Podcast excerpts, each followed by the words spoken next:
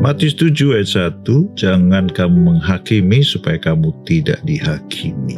Apa itu menghakimi? Judging ya. Ada orang yang suka judging. Sebelum tahu keadaannya, langsung menuduh seseorang secara negatif tentunya. Tuhan tidak mau kita melakukan seperti ini. Karena kalau kita kita sudah memandang negatif seseorang tanpa mengetahui keadaan sesungguhnya, maka diri kita pun ketika melakukan kesalahan, ketika melakukan hal-hal yang sebetulnya kita tidak maksudkan, kita juga rentan untuk dihakimi orang lain. Bukan hanya juga dihakimi oleh Tuhan. Kita tidak mudah mengalami pengampunan dan belas kasih dari Tuhan. Karena seperti yang kita lakukan, demikian pula akan kita terima perlakuan dari orang lain dan dari Tuhan. Kita menghakimi orang lain, kita tidak mengampuni seolah-olah kita memberikan hukuman sebelum kita tahu segala sesuatu tentang orang itu dan keadaannya. Itu kebiasaan, itu kepribadian, itu kondisi kita yang kita bawa terus